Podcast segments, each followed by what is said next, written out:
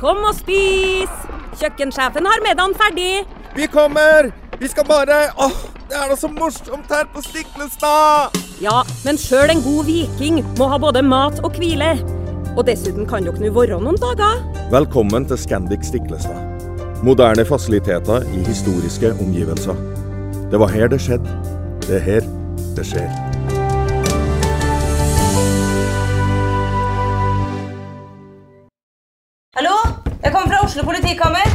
Ine Jansen er purk. Er du purk? The motherfucking bitch. Alt jeg vil, er å finne ut hva som skjedde med mannen min. Jon Carew. Er jeg sikta for noe? Iben Akeli. Det er du. Ole So, Lars Berrum og Big Daddy Karsten. Hvem sin side er du på, egentlig? Anette Hoff, Tone Danielsen, Kommer du fra Afrika? Jørnis Josef, Nesten. Kløfta. Trond Espen Seim, Det er synd å si det, men det var feil mann som døde. Purk. Premiere tirsdag på TV2 Play.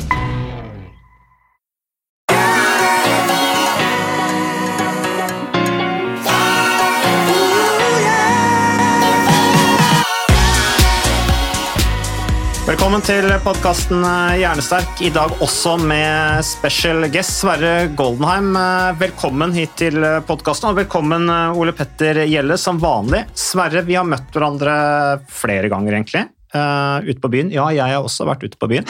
Uh, vi har jo noen felles kjente, blant annet. Uh, og du er alltid veldig hyggelig fyr å møte. Gi mye av deg sjøl. veldig flink med folk i møte med folk. Så det er veldig sånn, du er en lett type å, å like, syns jeg. Og så har du jo du har jo også vært en ganske sånn eksponert person i media. Du hadde jo du var, Det var et eget program hvor du var med på Var det ikke på TV Norge eller TV3 eller Ja, noe? og det har jo vært Noe noen opp, opp, opptredener eh, gjennom årene. Opp gjennom årene. Eh, Den, eh, den legger vi død.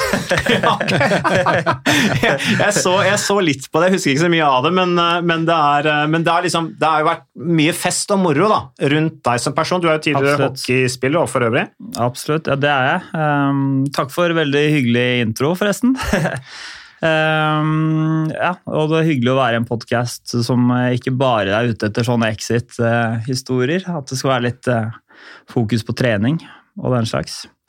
Ja, for det, er, eh, det var litt det når jeg ringte deg. eh, Fordi at du, du har jo alltid holdt deg i form. Jeg husker blant annet i den perioden kanskje du hadde Hvor du var på høyden når det gjaldt engasjement i utelivet. Ja.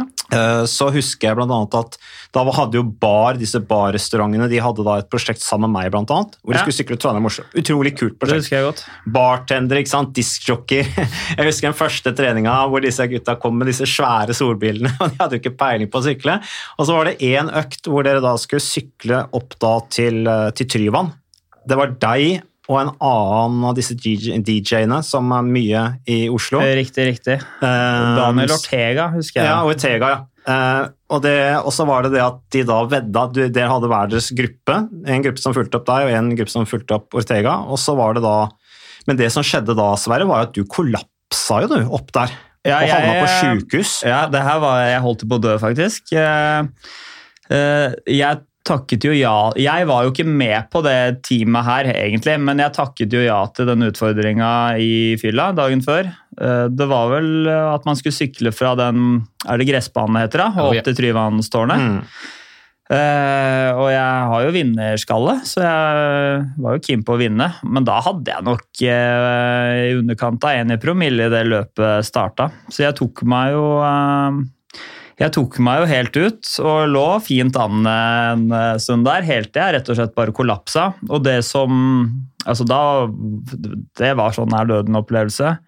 Kasta opp, eh, lå rett ut. Eh, men så var, det jo, var jeg med på banketten etterpå. og, og full fest. Men dagen etter så eh, gikk det hull på tyktarmen, faktisk. Eh, det hadde nok bygd seg opp litt over tid, eh, men dette var jo da skuddet i Sarajevo, den, den sykkelturen der. Så eh, nei, da holdt jeg rett og slett på å stryke med. Så Mm. da lå jeg på sykehus et par uker og eh, Men jeg lærte jo ikke noe av det. Jeg fikk jo beskjed om eh, at jeg skulle ha i disse stingene, eller stiftene, som jeg fikk i magen. Jeg har jo et bra are ar der. Eh, De tok jeg ut selv etter en uke, eh, da jeg følte meg pigg nok til å dra på fest igjen. Så Ja. eh, Du skulle tilbake. Jeg skulle tilbake. Lærte ingenting av den eh, der. Jeg måtte lenger ned i, i kjelleren før jeg, før jeg skulle gi meg med, ja, med det livet der. Men Sverre, vi prata litt om det.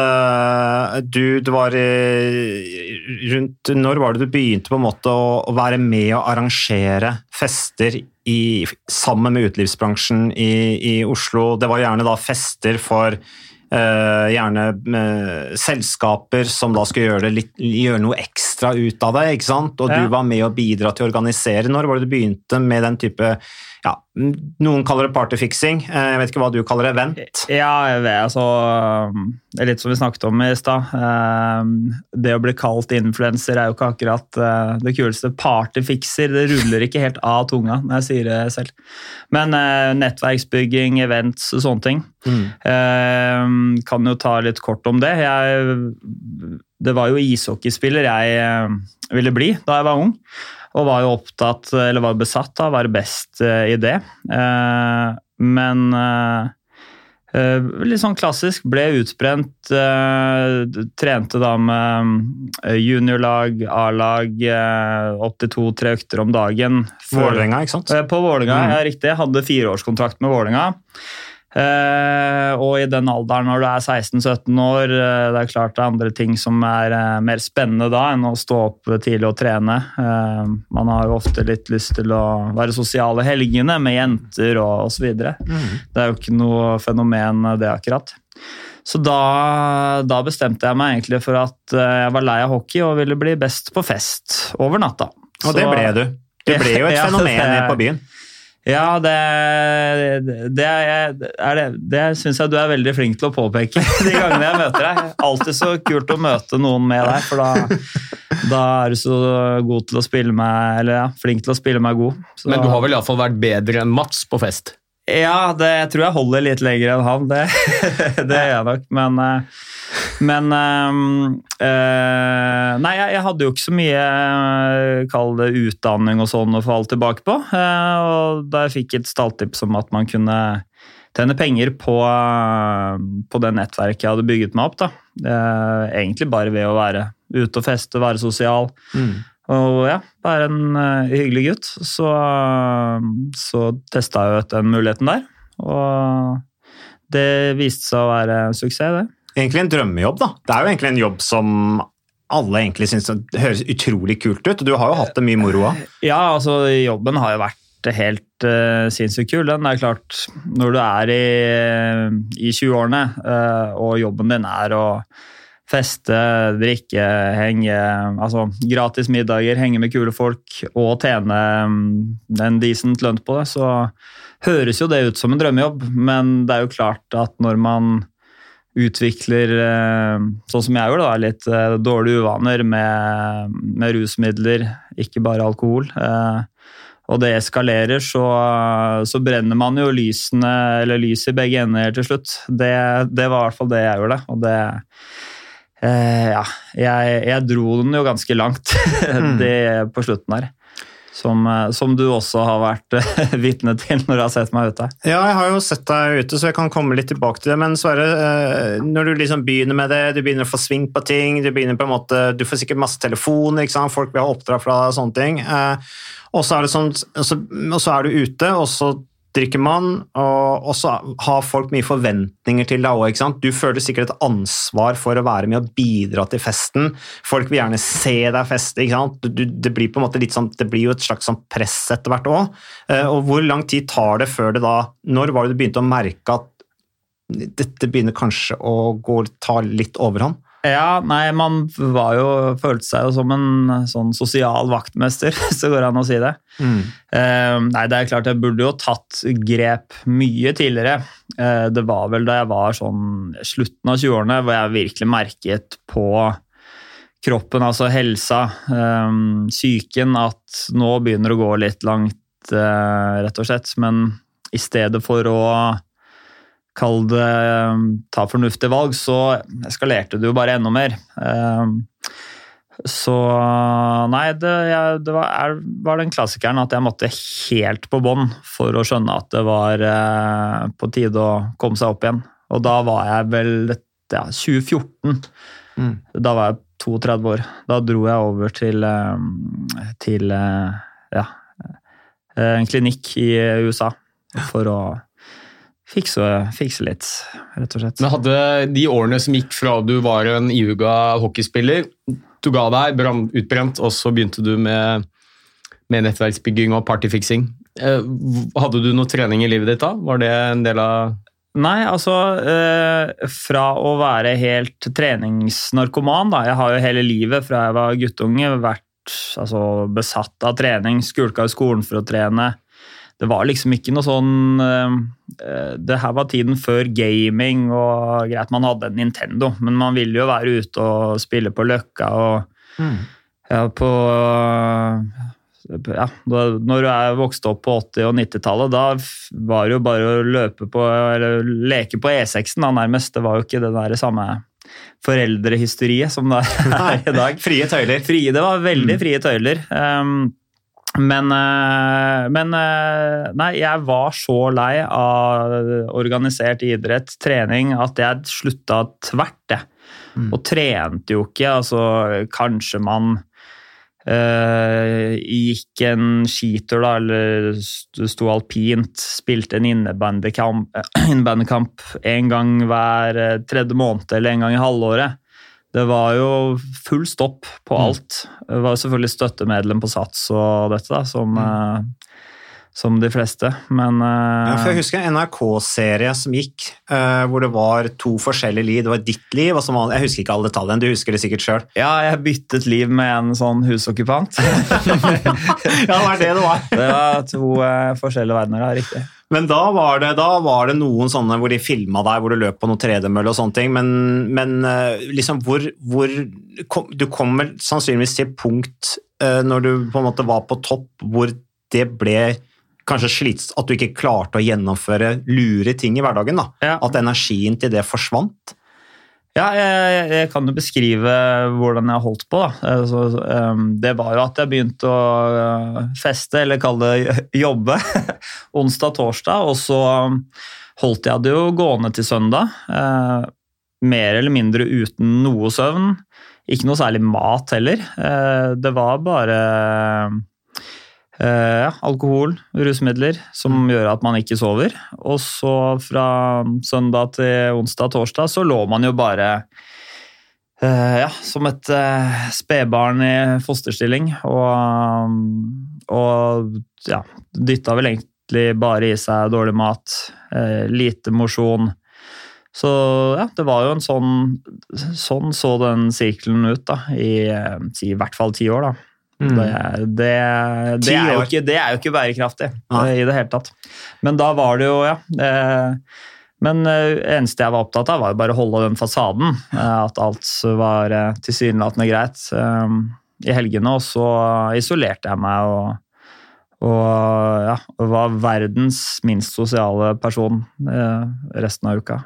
Ja, for jeg husker jo jeg traff deg, og det var vel sikkert rundt 2014, da, rett før du reiste på avrusing, eh, på et utested. Ja. Eh, og vi hilste hyggelig på hverandre, sånn som du alltid gjør. Hyggelig, ja. imøtekommende. Eh, men jeg så at du, måtte, du var på en måte sånn tomt skall, da. Du var dressa opp som alltid, ikke sant? Kjempestil. Så, så bra, men du så veldig sliten ut. Du var tom i blikket. Jeg skjønte jo at du, du ønska å gi av deg sjæl, for det var forventningen, og det må jo være et ekstremt press det å skulle gi så mye av seg sjæl når du egentlig kjenner at det butter imot. Ja. Uh, men du prøvde å smile og var hyggelig med alle, liksom. Men det var noe som mangla. og var du deprimert? Uh, ja, ja, ja. Det, det Selvfølgelig var jeg det. Det var jo Jeg følte at det var bare et sånt spill for galleriet hver gang jeg var ute. Jeg ville jeg ville jo bare være hjemme og slappe av. Eller sånn dra på hytta, se på gullrekka, holdt jeg på å si. Det var jo fjernt for meg, det. For jeg jobbet jo i helgene. Eh, og så var jo ikke jeg noe sånn som ville mm, altså Jeg ville ikke gjøre noe stort nummer ut av det og si fra at, eh, at jeg hadde det dårlig, holdt jeg på å si. Så, så jeg bare mm, ja øh, øh, kjørte på med, med det jeg var vant til, egentlig. Og konsekvensen av det til slutt var jo et mm, ja, totalt sammenbrudd, eh, rett og slett. Var det da du innså at du måtte Trengte hjelp? Ja, helt riktig. Eh, og da eh, Ja, eh, familien har jo alltid De har jo skjønt at jeg har eh, eh, ikke bare drukket alkohol, men i, igjen så har jeg vært veldig opptatt av at det ikke har vært en så stor greie. Eh, men eh, men eh, det er klart at her måtte jeg jo bare legge alle kortene på bordet om hvor ille ting faktisk var. da. At det var ikke bare litt i ny og ne, det var jo konstant hele tiden. Ja, så det var liksom det liksom i hverdagen òg? ta- Ja, ikke så mye i hverdagen, men, Nei. men når en fest varer i tre-fire døgn da, uten Mm. stopp, så, så er det klart da må man ta, ta grep. Hvordan føler du deg på mandag da, når du har hatt fire dager nonstop? Det er jo, det har jeg beskrevet tidligere, det er jo en sånn nær døden-opplevelse hver eh, søndag og mandag når du det, kommer ned på Eller fra oppadgående rus. Så Nei, man tror at man skal dø, da. Mm. Og som de legene jeg har snakket med det, sier, det, det skjønner vi jo godt, for det kunne jo ha skjedd hver helg, det. Eh, Sånn, ja, Når man ikke sover på jeg tror det meste var sånn 70-80 timer. Ja. Og det var ikke sånn at det, det skjedde innimellom, det skjedde jo ofte. Da Du som er lege, kan jo bekrefte at det er jo ikke Det er ikke helt uh, kosher. Hva skjer, med, hva skjer oppi hodet ditt da, Ole Petter? Uh... Nei, du, Det er jo flere forskjellige ting. da, Sverige snakker jo om rusmidler, og um, alkohol er jo et legalt rusmiddel. Og så har du jo snakket om andre rusmidler, og uten at du har sagt det spesifikt, så, så når du sier det er rusmidler som gjør at det er vanskelig å sove, så er det jo gjerne sentralnervestimulerende, ikke sant? type amfetamin og kokain. og, og alle disse rusmidlene de fører jo til en massiv belønning i, i hjernen vår. Vi skiller ut store mengder bl.a. dopamin, som, eh, som gir oss rus. Rett og slett, Det er det de aller fleste rusmidler gjør. Og, um, og det, det sender jo det er en belønning. sender signal til hjernen om at det du driver med nå, det er bra. Det, det gjør at du føler deg bra. Så det blir jo en sånn selvforsterkende effekt. Og, og den dagen du kutter det ut For det er jo litt sånn at vi lager jo en del dopamin naturlig også, men når du får det tilført via rusmidler, så stopper du å lage det litt selv. Mm. Eh, Og den dagen du da er på vei ned fra rusen din og ikke tar rusmidlene på noen dager, så, så får du jo mye mindre av disse kjemiske stoffene i hjernen, og det påvirker humør, konsentrasjon, oppmerksomhet. Altså det gjør rett og slett at vi føler oss elendig, og i noen ekstreme tilfeller, f.eks. intravenøs heroinmisbruk, så er det jo sånn at de abstinensene man får, da, det der suget etter å, å ha mer, det, det skyldes jo nettopp fordi det er for lite av disse kjemiske stoffene i kroppen. Det kan jo gjøre deg ordentlig alvorlig syk, og til og med føre til at du dør. Mm. Så, så det er jo ikke så rart at det er vanskelig å kutte ut. For den, en, den eneste kjappe kuren da er jo å ta en ny dose. Eh, og så det jo, blir det jo ofte forsterket av søvnmangel, da? Som det gjør jo ikke noe underverke for hjernen og humør og Formen generelt, nei. Nei, så det vet vi jo. ikke sant? Søvnmangel over tid eh, er knyttet mot depresjon og angst og uro. Mm, mm. Og når du da får rusmidlene på toppen og den abstinensen, så, så er det mange som ikke har det så bra.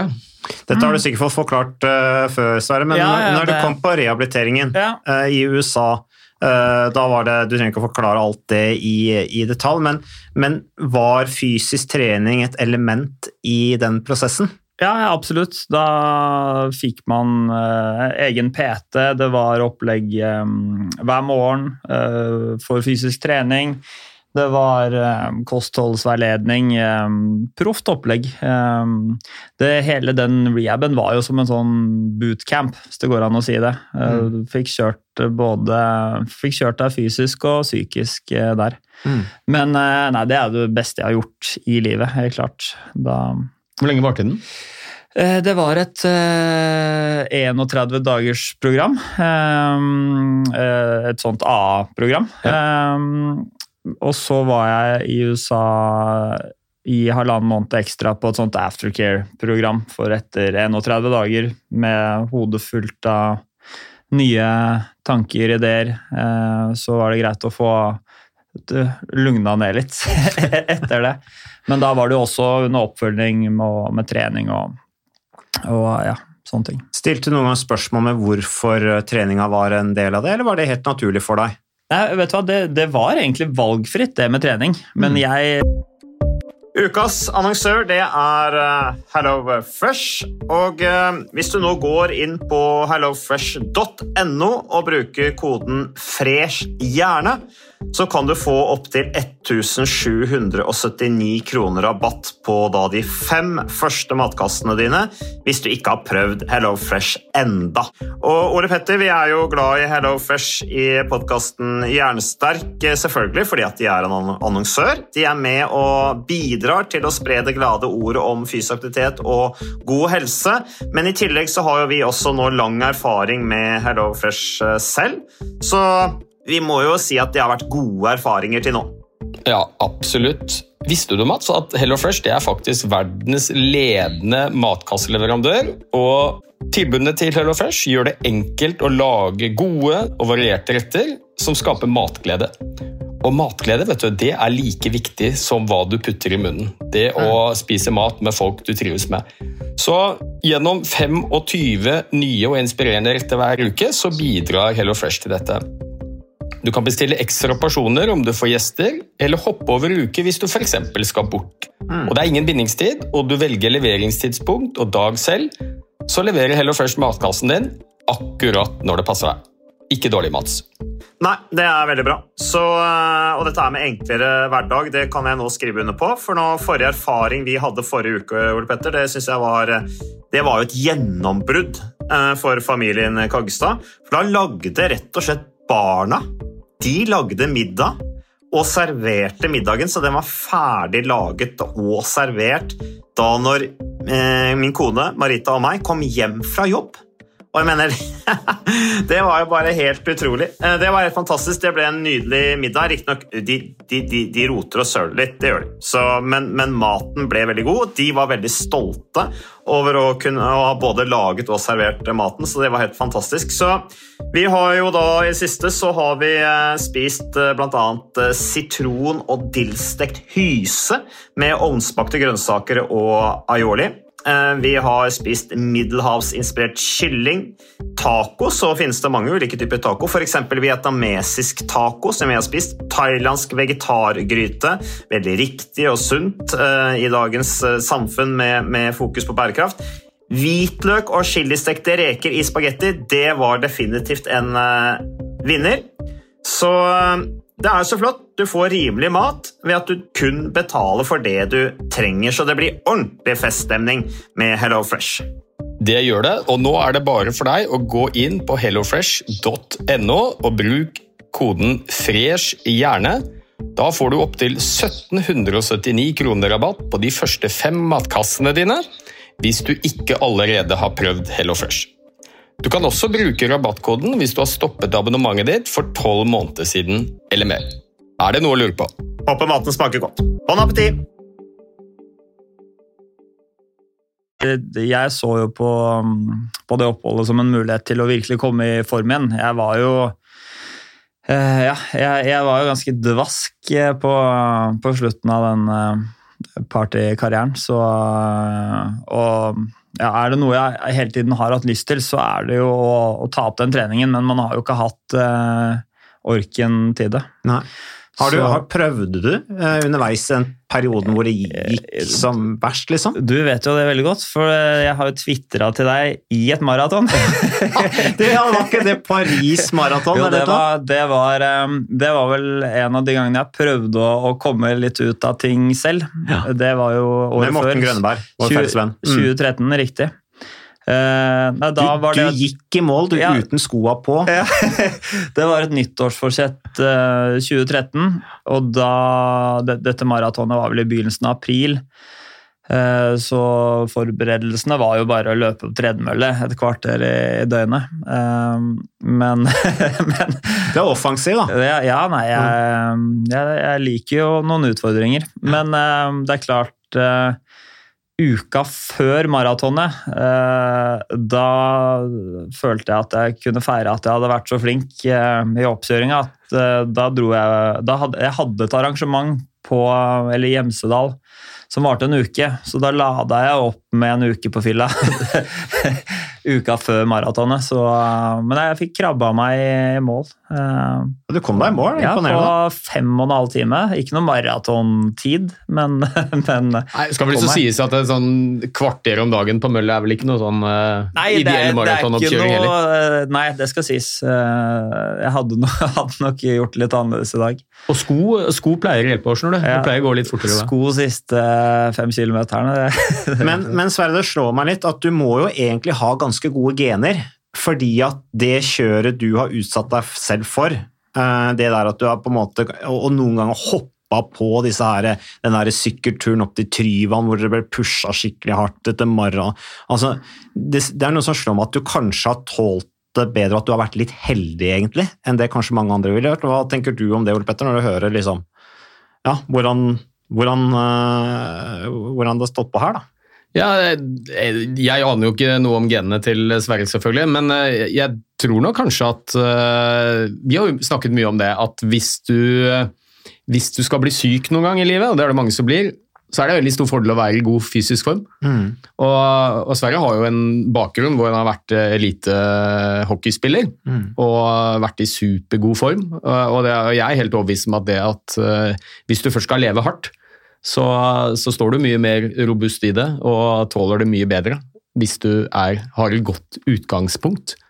Så er det vel noe med vaner og sånn også, at det har vært en del av Sveriges liv. Så at det kanskje ville være mer naturlig for deg å, å bruke den kjennskapen du har, og det med fysisk aktivitet, som et ledd i behandlingen din, enn det ville vært for mange andre. Mm. Spesielt når det er frivillig, som det var på rehaben din. Ja, helt klart. Men Sverre, jeg møtte deg jo da når du kom tilbake fra den rehaben. Ja. Så du forsvant jo en periode, ikke sant? Og vi visste jo hvorfor du var borte, og så traff jeg dem. Da, da så du jo mye yngre ut. Altså, du så jo ut som en helt ny mann. Eh, Det var jo, det var jo litt som møte Jesus, liksom. Du, du så jo helt fantastisk bra ut da. Eh, Mye, du så mye bedre ut, eh, både fysisk og psykisk. Men, men nå i etterkant, hvor har du på en måte hva gjør du nå for å liksom ha lærdom av det du gjorde? og Du, du jobber jo fremdeles innenfor restaurant- og utelivsbransjen, Ja. eh, men hva på en måte har du lært, og hva gjør du nå for å ikke havne i samme Eller havne tilbake, da? Ja, ja. Altså, det, det hjalp jo veldig altså Mye av det Jeg dro jo til USA for å bli kall det, den beste utgaven av meg selv igjen, og kall det, finne opp meg selv litt på nytt. Eh, og det å komme tilbake igjen og gå rett til um, altså, nattklubbbransjen, da, eller utelivsbransjen, det var jo ikke det smarteste.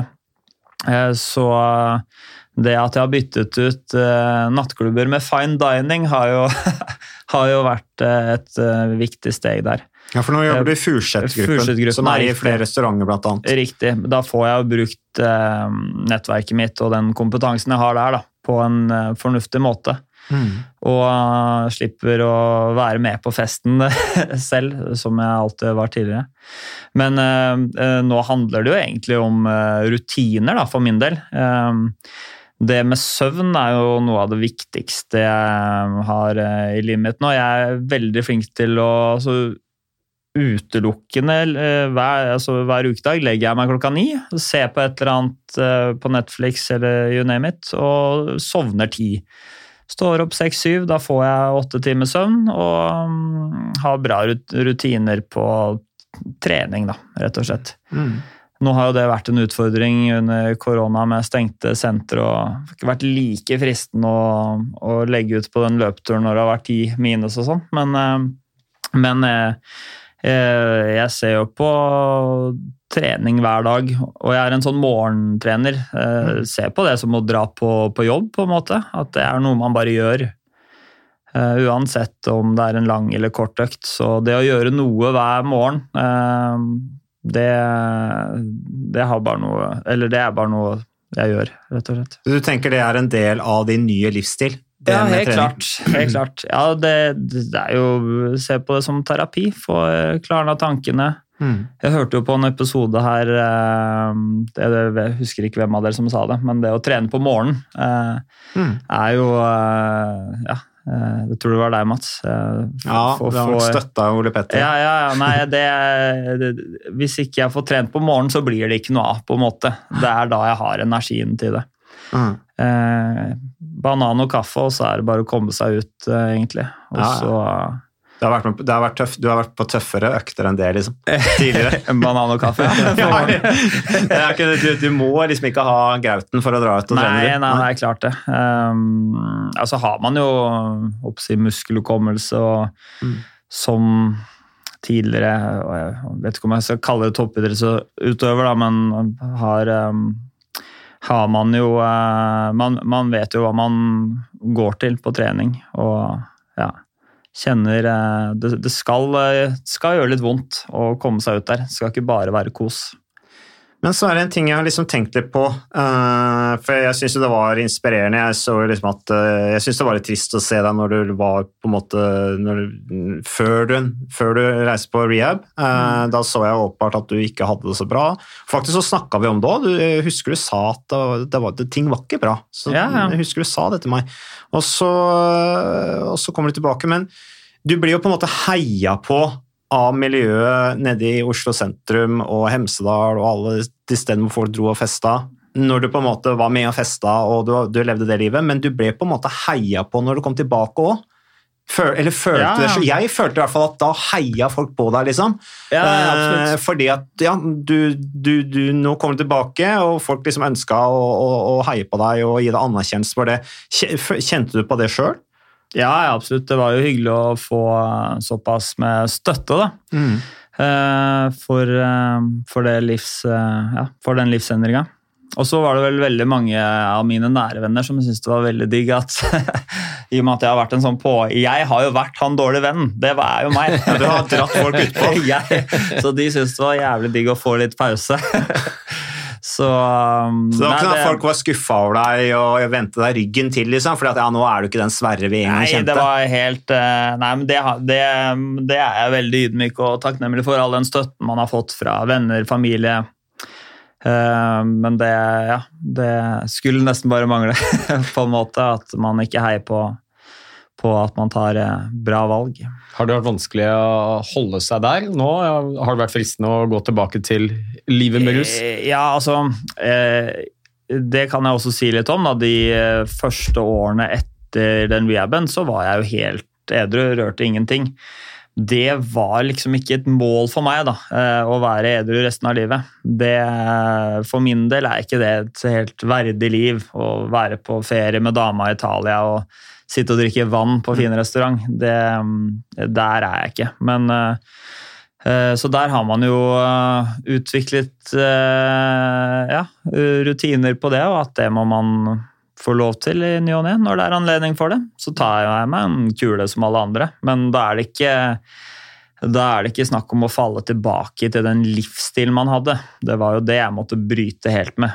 Altså Ja. galskap, livsstilen. Hvor viktig har treningen vært for deg da? Sånn i ettertid, etter rehaben? Ja, nei, det er jo også selvfølgelig når du si trener fem-seks dager i uka, da, relativt hardt, så, så er det ikke like fristende å, å ta en kule eller eh, en sixpack. eh, for du vet jo at det bryter jo ned det du har jobba for. Så, så jeg har respekt for, for det. Eh, Det er klart, nå, nå blir det jo, nå som skjenken åpner igjen, det er klart det blir nok et par eh, utepils etter å ha vært eh, innestengt eh, i over et år. Men eh, Men du har ikke en sånn du har ikke, For du har jo noen som ikke kan drikke noen Ja. ting. ikke sant? Du, du, har ikke, du er ikke der at du blir akutt avhengig bare du kjenner lukta av alkohol. Nei, jeg var jo ikke en alkoholiker. Nei. Det jeg var eh, på engelsk da, en såkalt binge drinker. At når man først setter i gang, så gir man seg ikke før, før eh, kroppen er helt eh, på bånn. Men den har man klart å altså Det handler jo litt om selvinnsikt og og, og ja, bare ta voksne valg, da. Det, jeg, jeg har aldri dratt det der eh, jeg er syk, alkoholiker-kortet, på en måte. Eh, selv om det er mange som faktisk eh, altså Som det er en sykdom for, men den har ikke jeg villet ta helt på min kappe. Jeg har jo egentlig vært ganske bevisst på de valgene jeg har tatt. Altså de dumme valgene. Mm. Selv om man har eh, har vært kalkulert. Ja, ja. Nei, jeg har vært kynisk og egentlig bare gitt faen. Og Mm. har håpa på hjelp den, dag, den dagen. Det var jo varemerket ditt på en måte en stund, da. Så Ja. det, det, det måtte, du var på en måte litt sånn rock... Det er jo litt som en sånn rockestjerne, liksom. Du gjorde det som ble, var forventa av deg. Ja, altså Konsumerte jo i hvert fall det samme som en rockestjerne ville, ville gjort. Så om ikke Ja, om ikke mer til tider, så Men det er jo det rockestjernen som kommer tilbake og blir også Du er jo ikke blitt på en måte en freak, da, men de blir veldig alternative. Ja. Uh, og liksom bare alt skal være grønt og vegan og ja. Ja, nei, jeg er ikke helt der, men jeg er opptatt av hva jeg putter i kroppen og sånn. Det er jeg jo faktisk. Men um, nei, alt med måte der òg. Det er Jeg tar meg en pose potetgull og sånn som alle andre på når det er en bra match på TV-en. Men det er det mye vi, vi har snakket veldig mye om, Mats. Vi, vi snakker om, Nå er det så mye informasjon om kosthold og søvn og trening, og du har alle disse som skal, de skal optimalisere alt. ikke sant? Er- Perfekte treningsopplegg, perfekt søvn, holde seg helt unna alkohol. Eh, spise vegansk hvis man mener det er sunnest. Og, og jeg, jeg, jeg har jo jeg har ikke spesielt stor tro på at det er veien for folk flest, da, for det er jæklig vanskelig å holde fast ved. ikke sant? Mm. Så du, du må prøve å gjøre noe du klarer å få til over tid. da, Finne en sånn gyllen middelvei. Eh, Det tror jeg er en mye bedre oppskrift på å ha det bra i hverdagen. Ellers så blir det å være så jækla streng med seg selv med alt det som ikke er lov. Så det snakker vi mye om at selv om du er glad i å trene, og det er en viktig del av livet ditt, så er det ok med en uke uten trening. og Mm. Skal du spise sunt, så er det helt ok å skeie ut, bare du ikke nødvendigvis gjør det hver dag. Mm. Og Sånn er det med alkohol også. At det, og det, viser seg jo også at eh, sånn helsemessig så, så eh, er det mer helsefremmende å ha et lett til moderat alkoholforbruk enn å være helt avholden. Det kan vel du bekrefte, Sverre? Kan bekreftes. Ja, altså Rett og slett- rett og slett være litt raus med seg sjøl, og Mm. ikke glem det som er helt perfekt, for det klarer vi ikke å få til. Og Da mister du selvtillit og mestringsfølelse. Finne en balanse. Mm. Det virker som du har funnet noe, Sverre. Ja, ja, helt klart. Altså, målet mitt er jo ikke å stille i noe bikini-fitness eh, eller få sixpack. Det er jo bare å ha en gjennomført bra livsstil og ha det bra med meg selv. Se passe decent ut uh, naken. Det er vel det, Ja, Det har vi jo ikke fått sett, da. Nei, det tar vi etter, eh, etter sendinga her. Men Sverre, angående det du, Det er blitt ganske sånn kjent historie. Eh, Historien din, og? Du har blitt nevnt i forbindelse med Exit nå, at du har vært kilde der. så skal ikke gå inn på det, Men er det mange som eh, er, det, er det mange som er interessert i den på en måte forvandlingen din? da? Eller det opp, vi kan, jeg vet ikke om vi kan kalle det ja, vi kan jo kalle det til viss grad et oppgjør med eh, tidligere livsstil. Ja, altså Det er jo litt som jeg sa i, i begynnelsen her. Det er deilig å være i en podkast som ikke bare forventer sånne exit-historier. Jeg, har jo- jeg takker jo stort sett nei til mange podcaster, for jeg lukter jo lunta at det er egentlig bare det dere vil snakke om. Mm. Um, men eh, Nei, nå sto det litt stille. Hva Nei, altså jeg spurte om det der om det er mange som, er i, som du møter i dag, for du, er jo på en måte, du driver fremdeles med nettverksbygging, du, du jobber i et stort selskap som arrangerer ikke sant, arrangement for, for, for private og bedrifter osv. i fine restauranter eh, med høy kvalitet. Men er det da mange som er interessert i å høre din historie, som er nysgjerrig på det, og som spør deg om råd osv.? Ja, ja, ja, absolutt. Ehm, Der får jeg jo eh, konstant meldinger på altså, sosiale medier. Folk som jeg ikke kjenner, da, som er veldig eh, ja, spør om råd, tips. Eh, Det er utrolig smigrende og, og hyggelig å kunne komme med innspill til folk som, som eh, er eller har vært i samme situasjon. Da. Det er ekstremt mye mørketall på på folk som har eh, levd et sånt liv vi har gjort tidligere, selvfølgelig. Som, eh, for det er jo tabubelagt ikke sant? å snakke til familie, arbeidsgiver om rus og alkoholproblemer. Det, det, ja, det er vel Er dere kanskje enig? Men samfunnet er jo litt sånn at vi har jo Jeg er helt enig med deg i det, Sverre, men samtidig er jo samfunnet litt sånn at vi er jo liksom åpne for folk som vil tilbake nå, eh, og, syns, og jeg tror veldig mange syns det er inspirerende. Det er noe ekte med det, liksom. ja. Og ærlig med det, og du får jo kred for det du snakker om, ikke minst. Du har opplevd masse erfaringer. eh, Men kjenner du, er det noen du kjenner deg igjen i? Er det folk du liksom ser Du kjenner deg litt igjen i noen? At du ser liksom Oi, her går det gærent. At du har lyst til å si til liksom at du, du, du bør kanskje bremse litt. Er, ser du noen det, av de i dag? det er veldig lett for meg nå som jeg nærmer meg jo 40, og de gangene man, man er ute og ser disse eh, unge lovende i begynnelsen av 20-årene, så ser man jo eh, noen signaler der, og tendenser. Så de fins? Det fins sånne minisverrer der ute? Ja, det, det er klart det. Og det er også mange meldinger man får eh, på disse sosiale mediene, er jo også om hvordan blir man partfikser. Og da, eh, når man ser på profilene til, til de som sender de meldingene, så lyser det jo altså, Da ser man jo faresignalene med en gang. Så um, Hva tenkte du om den Petter Northug-saken? da? Kan jeg spørre om det?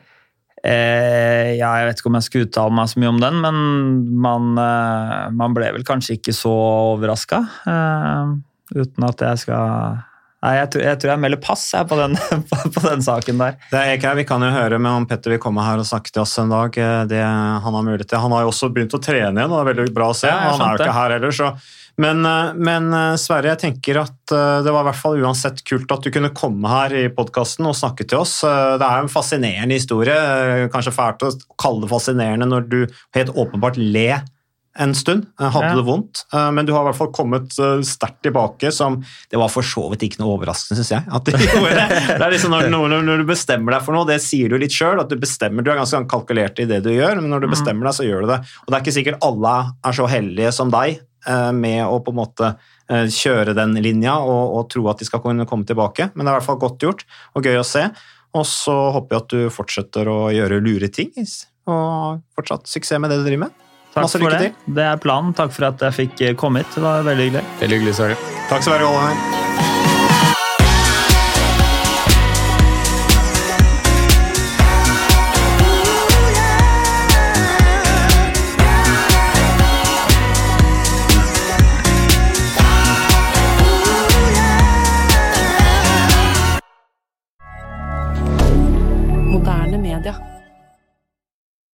Har du et enkeltpersonforetak eller en liten bedrift? Da er du sikkert lei av å høre meg snakke om hvor enkelt det er med kvitteringer og bilag i fiken, så vi eh, gir oss her, vi. Fordi vi liker enkelt. Fiken superenkelt regnskap.